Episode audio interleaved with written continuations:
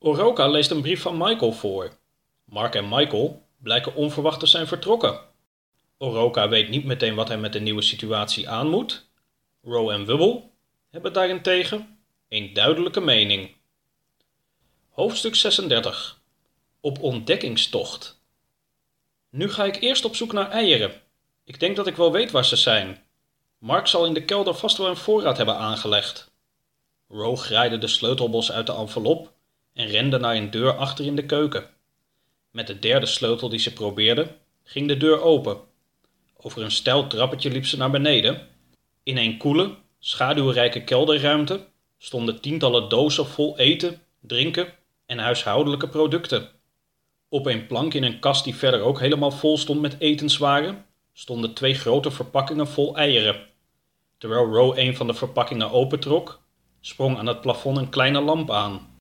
Bovenaan de trap verschenen Oroka en Wubbel. Moeten jullie kijken wat een voorraden Mark hier heeft aangelegd. Het is nog meer dan ik had verwacht. Hier kunnen we jaren van eten. Achter in de kelder ontdekten de drie ook nog meerdere vrieskisten. Oroka deed een van de kisten open en keek naar pakken diepgevroren groenten en stukken diepgevroren vlees. Moet je dit zien, O? In de hoek van de kelder stond een vrieskist die nog anderhalf keer groter was. Ro wees naar een grote sticker die erop was geplakt. Voor de tijgers was er met dikke stift opgeschreven. Samen openden ze de kist. Getsy! Ro deed een paar stappen achteruit, maar kwam toch al snel weer terug.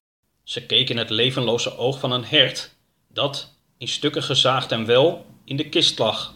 Het bleken er twee te zijn, inclusief vacht, gewei, staart en hoeven. Daar had ik nog niet aan gedacht. Maar als dit huis nu van ons is, dan zijn die tijgers dat ook. Weet jij hoe vaak tijgers eten, Ro?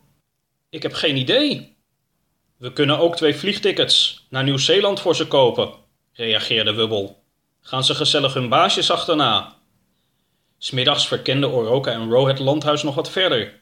Ze ontdekten een grote zolder waar allerlei meubelen stonden opgeslagen en waar Mark ook zijn geweren en munitie bleek te hebben neergezet. De meeste kamers in het huis bleken slaapkamers voor gasten te zijn. Alle deuren waren open, behalve de deur van Michaels kantoor. Die zat op slot.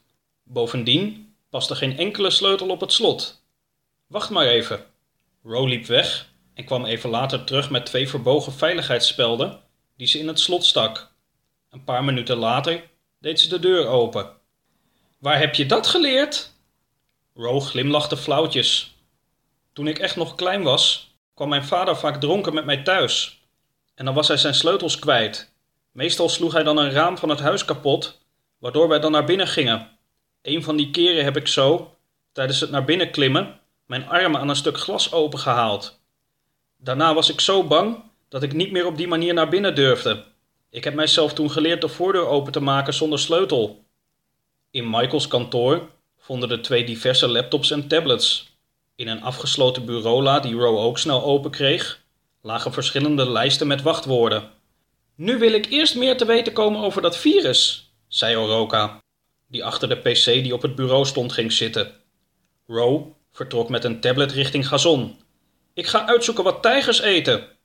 De daaropvolgende uren las Oroka over symptomen als hoesten, koorts en vermoeidheid over zware longontstekingen en opnames op intensive care afdelingen van ziekenhuizen. Hij las dat het virus zich snel verspreidde, dat verschillende steden en staten in het land het openbare leven grotendeels stil hadden gelegd. Hij las over mondkapjes en stille straten, over hoge dodentallen in verpleeghuizen en over de stad New York, die zwaar getroffen werd. Hij keek naar een uitgezonden toespraak van de gouverneur van New York, die net als vele anderen regelmatig termen gebruikte als social distancing en flattening the curve. Ik denk ook dat het beter is dat we nog even hier blijven, zei Oroka toen hij niet veel later het gazon opliep. Ro lag met een tablet op een deken op het gras. De tijger is een zoogdier dat tot de familie der katachtigen behoort, las ze voor. De meeste tijgers leven in het bos en in grasland. De tijger is een toppredator die voornamelijk jaagt op hoefdieren, zoals herten en wilde zwijnen. Een volwassen tijger kan wel twee weken zonder eten. Maar als hij dan eet, kan hij wel meer dan 30 kilo op. Zoveel? Ja, dat staat hier. Maar die van ons kunnen we vast wel wat vaker voeren. en dan wat kleinere hoeveelheden. Laat op de avond, vlak voor het slapen gaan, liep Ro met haar rugzak de slaapkamer uit, die ze sinds de eerste nacht in het landhuis met Oroka en Wubbel deelde.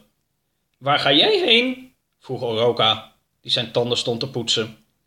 Ik ga vannacht in het bed op de slaapkamer van Mark en Michael slapen. In dat grote bed? Goed, slaap lekker. Een half uur later werd Oroka gewekt door Ro's stem. Wat is er, Ro? Ik hoor vreemde geluiden in die kamer. Vreemde geluiden? Oroka liep met Ro mee naar haar nieuwe slaapkamer. Hij luisterde, maar hoorde niets. Wat voor geluiden hoorde je dan? Weet ik niet. Gekraak en gebonk. Oroka liep naar zolder en keek ook nog in een paar andere kamers, maar zag niets vreemds. Terug in de slaapkamer van Mark en Michael zag hij dat het hemelbed alweer netjes was opgemaakt. Ze is alweer hier, hoorde hij Wubbel kwaken. De wind en een paar krakende plankjes hebben haar de stuip op het lijf gejaagd. Denk jij dat maar, eend? antwoordde Ro, terwijl ze in haar vertrouwde bed kroop. Ga jij daar maar eens liggen. Nee, ik. Wat krijgen we nou? Sinds wanneer versta jij mij? Dat had je niet verwacht, hè? Dat ik dat zou leren. Nou, zo moeilijk is dat kwakerige taaltje van jou niet, hoor. Wubbel maakte een snuivend geluid. Hij sloot zijn ogen en zei niets meer. Oroka deed het licht uit. Ik ga er weer een dagje op uit. Tot later, zei Wubbel de volgende ochtend, terwijl hij wat losse veertjes uit zijn vleugels schudde. Wacht even, ik wil wat met jullie bespreken. Wubbel sprong met een paar vleugelslagen op de ontbijttafel. Rose schoof een bak aardbeienijs, die ze bij wijze van ontbijt uit een van de vrieskisten had gehaald, van zich af. Ze had de bak half leeg gegeten en nam een paar slokken water tegen een gevoel van opkomende misselijkheid. Ik wil met jullie overleggen over wat we nu gaan doen. Wat we nu gaan doen, antwoordde Wubbel, dat lijkt me wel duidelijk, toch? We blijven hier en we doen waar we zin in hebben. Of heb je een ander idee? We zitten hier toch goed, O? Voegde Ro daaraan toe. Ja, dat is wel zo, maar gisteren heb ik een idee gekregen. En dat idee wil ik nu met jullie delen.